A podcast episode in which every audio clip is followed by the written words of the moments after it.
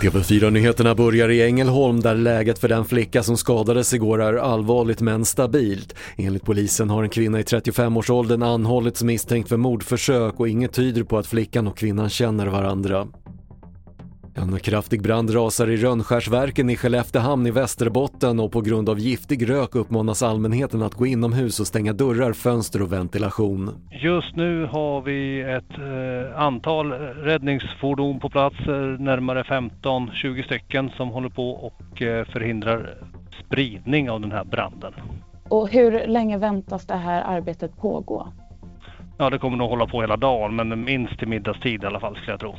Det sa Sören Gustafsson på SOS Alarm. Och till sist basket för Denver Nuggets blev i natt NBA-mästare för första gången i klubbens historia. 47 års väntan är över efter att Denver i natt vann den femte finalmatchen mot Miami Heat med 94-89 på hemmaplan.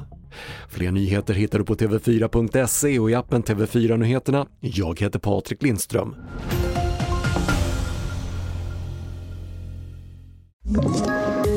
Poddtips från Podplay. I fallen jag aldrig glömmer djupdyker Hasse Aro i arbetet bakom några av Sveriges mest uppseendeväckande brottsutredningar. Går vi in med hemlig telefonavlyssning och, och då upplever vi att vi får en total förändring av hans beteende. Vad är det som händer nu? Vem är det som läcker? Och så säger han att jag är kriminell, jag har varit kriminell i hela mitt liv men att mörda ett barn, där går min gräns. Nya säsongen av Fallen jag aldrig glömmer på Podplay.